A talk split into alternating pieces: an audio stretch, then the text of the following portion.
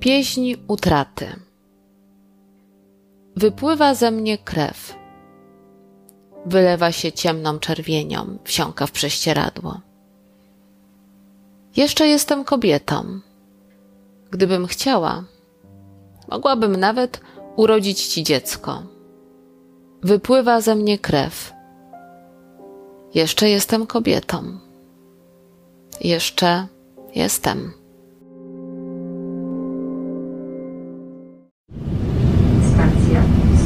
Dzień dobry, dobry wieczór. Gdziekolwiek i kiedykolwiek zechcielibyście mnie słuchać. Przed mikrofonem nad polskim morzem wszystkich swoich słuchaczy wita Piotr Wiktor Lorkowski. To już 93 odcinek Nadmorza, czyli pierwszego polskiego podcastu o poezji.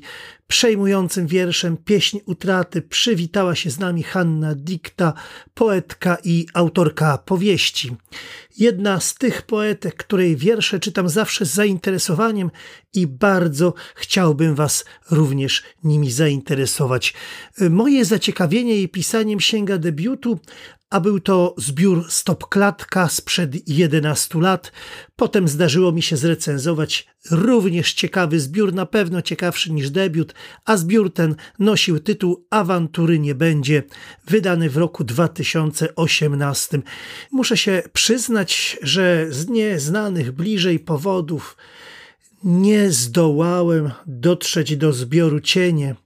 Książkę tę wydano w 2019 i brak znajomości wierszy z tego właśnie zbioru uważam za prawdziwą stratę nie tylko z powodów sentymentalnych. Niezależnie od tego mam wrażenie, że Hanna Dikta ma jako poetka coraz więcej do powiedzenia, choć mówi wciąż oszczędnie, powściągliwie, bez zbędnych słów i zawsze o sprawach najważniejszych. W ten sposób mówi także o własnym przemijaniu, wciąż z nieobecnością zmarłej przedwcześnie matki w tle. W tomiku najnowszym tekstowy ja stara się przekonać czytelnika co do własnej kobiecości, a to doskonale się podmiotce udaje, bynajmniej nie dlatego, że eksponuje swoją cielesność. Hannie Dikcie po prostu udało się zbudować figurę kobiety czterdziestoletniej, targanej czterdziestoletnimi rozterkami, żegnającej się z młodością, a zarazem zajmującej wobec córek miejsce, które dla niej zajmowała kiedyś jej matka i bardzo za tą matką ciągle tęskni. Jej życie, można powiedzieć, zaktualizowało się w ten sposób używam metafory zaczerpniętej z jej tomiku. Poezję Hanny Dikty cenię z jednego jeszcze powodu. Jest bardzo samodzielna światopoglądowo, prześwituje przez nią autentyczne doświadczenie, które nie podpiera się żadnymi zewnętrznymi ideologiami.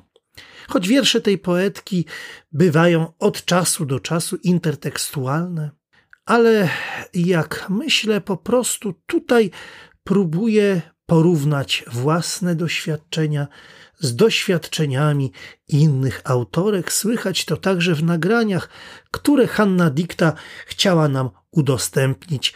Czas już teraz po prostu oddać głos jej wierszom.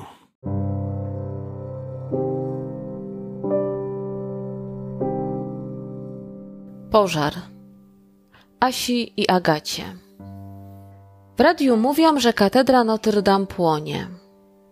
Przez chwilę myślę, że to żart, albo ktoś czyta fragment średniowiecznej powieści. A jednak w telewizji program na żywo i mrożące krew w żyłach obrazy. Quasimodo, gdzie jesteś? Pytają na Facebooku zaniepokojeni miłośnicy Igo. Myślę o tamtej dziewczynie sprzed dwudziestu lat, i wnętrzu najsłynniejszego paryskiego kościoła. Wciąż mam ją na fotografiach. długowłosą i szczupłą, w sukience bez ramion, ledwo zakrywającej uda. Z Avenue de Champs-Élysées dzwoniła do chorej matki, która ufundowała jej na pożegnanie francuską wycieczkę. Czy takie rzeczy się czuje, proszę pana? W radiu mówią, że katedra Notre Dame płonie. Gdzie teraz spotkają się tamta dziewczyna z czterdziestolatką, którą nie wiadomo kiedy się stałam? Aktualizacja. Jesteś na bieżąco, informuje mnie Instagram. Wyświetlono wszystkie posty z ostatnich dwóch dni. Miło mi Instagramie.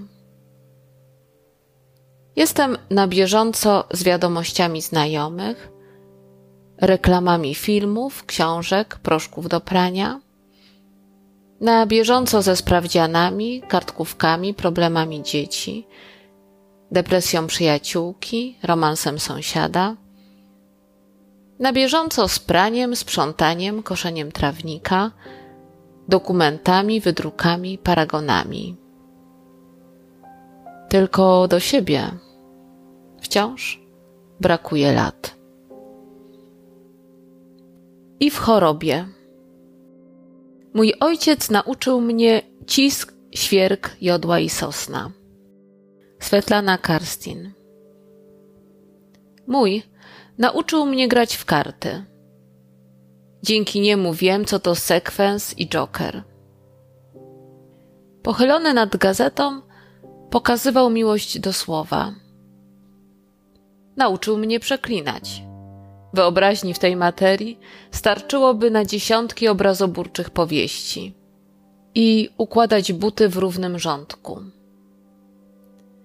Pokazał, jak stanąć samemu przeciw światu. Jednak najważniejszej lekcji tata udzielił mi w dziewięćdziesiątym piątym, kiedy każdego wieczoru wracał od matki. Po. Podobno powinniśmy żyć 38 lat. Reszta to cywilizacja, medycyna. Może dlatego, pisze K, tak dużo rozmyślam ostatnio o śmierci. Może dlatego kupiłam tenisówki i rower i coraz częściej wracam do panieńskiego pokoiku z 32-calowym telewizorem, na którym oglądałam Merlin i Clarka. Od ich historii już na zawsze rozbolało serce. Cykl dobiegł końca. Pora zaczynać jeszcze raz. Matka, żona, kochanka. A kiedy dorosną dzieci, odejdzie mąż, zwolnią cię z pracy i nikt nie będzie już chciał drukować książek. A kiedy się roztyjesz, opuchniesz, a może wręcz przeciwnie, znowu zmieścisz się w studencką sukienkę. Wypadną ci włosy, owrzodzieją usta, zejdą paznokcie. A kiedy nie będziesz już mogła zasłonić się tymi wszystkimi doskonale dopasowanymi pojęciami, co zostanie? Jutro. Jako kilkuletnia dziewczynka zaczytywałam się książkami dla nastolatek. Musierowicz, Orzogowska, Bagdaj. Do dziś czuję zapach obłożonych folią woluminów przynoszonych z dzielnicowej biblioteki. Kiedy miałam 13 lat, przeprowadziłam się do działu dla dorosłych. Największe wrażenie zrobiła na mnie zamężna czterokrotnie Scarlett. Nie rozumiałam, co podoba jej się w nudziarzu Ashleyu i dlaczego tak źle traktuje przystojnego Reta. Wygłoszona na szczycie schodów kwestia stała się moją życiową mantrą. Teraz najchętniej przyglądam się w historiach pięćdziesięciolatek. To kobiety w takim wieku wydają mi się najpiękniejsze. Badania mówią, że są również najszczęśliwsze. Myślę, że moja 49-letnia matka też taka była. Wolna i pełna marzeń. Tego roku zaczęli z ojcem budowę domku na wsi. W kolejnym rozdziale pojawił się rak. Pamięć. S dziwi się, jak to możliwe, że wciąż o niej pamiętam, jakby chodziło o papuszkę albo o zagubionego w wysokiej trawie chomika. Nie rozumie, że matkę traci się codziennie. Kiedy nie ma kto pobłogosławić przed ślubem, kiedy nie ma komu zadedykować weselnej piosenki, kiedy nie ma do kogo powiedzieć: Poroniłam, mamo, ani mamo, będę miała dziecko. Kiedy nad koleżankami z sali pochylają się stare kobiety z termosami, a ty chowasz twarz pod kołdrą, żeby nikt nie zobaczył łez.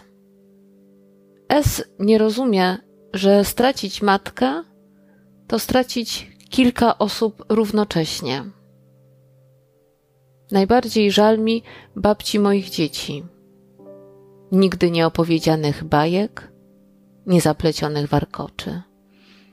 Ja kilkuletnia przed okrągłym lustrem toaletki, jedno z moich najpiękniejszych wspomnień i pełnego miłości uśmiechu, który wnuczęta mojej matki znają wyłącznie z fotografii. Przygotowanie nagrań tym razem kosztowało naszego gościa wiele, wiele trudu, zatem tym bardziej dziękuję Hannie Dikcie za obecność w tym odcinku. Informacje o jej twórczości można znaleźć pod linkami zamieszczonymi w notatkach do tego odcinka, ale w wersji przeznaczonej dla Spotify oraz w wersji zamieszczonej na macierzystej platformie nadmorza, czyli na Ankorze. Prócz tego, jak zapewne wiecie, kolejne odcinki można znaleźć w wersji wideo na YouTube i na Instagramie. To jeszcze nie koniec podziękowań. Ogromnie ciepło myślę o wydawcach oraz o autorach, którzy ostatnio zechcieli mnie obdarować swoimi książkami. Tym razem w poczcie znalazłem Koniec srebrnej nitki Izabeli Fietkiewicz-Paszek, na wstecznym Wiolety Arlety Jaworskiej oraz Fabrykę Papieru Piotra Lamprechta pełen wdzięczności dla wszystkich moich słuchaczy. Zapraszam do kolejnych odcinków Nadmorza, do ich komentowania, do subskrybowania mojego kanału, a niebawem będziemy gościć Roberta Miniaka, który specjalnie dla nas będzie czytał teksty dotąd jeszcze niepublikowane. Zapraszam także do prenumerowania nowego newslettera. Można go zamówić pisząc pod redakcyjny adres dostępny w notatkach. Serdecznie pozdrawiam wszystkich moich słuchaczy, każdego, kto mnie słucha w każdym zakątku internetu, z Sopotu, z nad polskiego morza, listopadowym wieczorem mówił do Was Piotr Wiktor Lorkowski.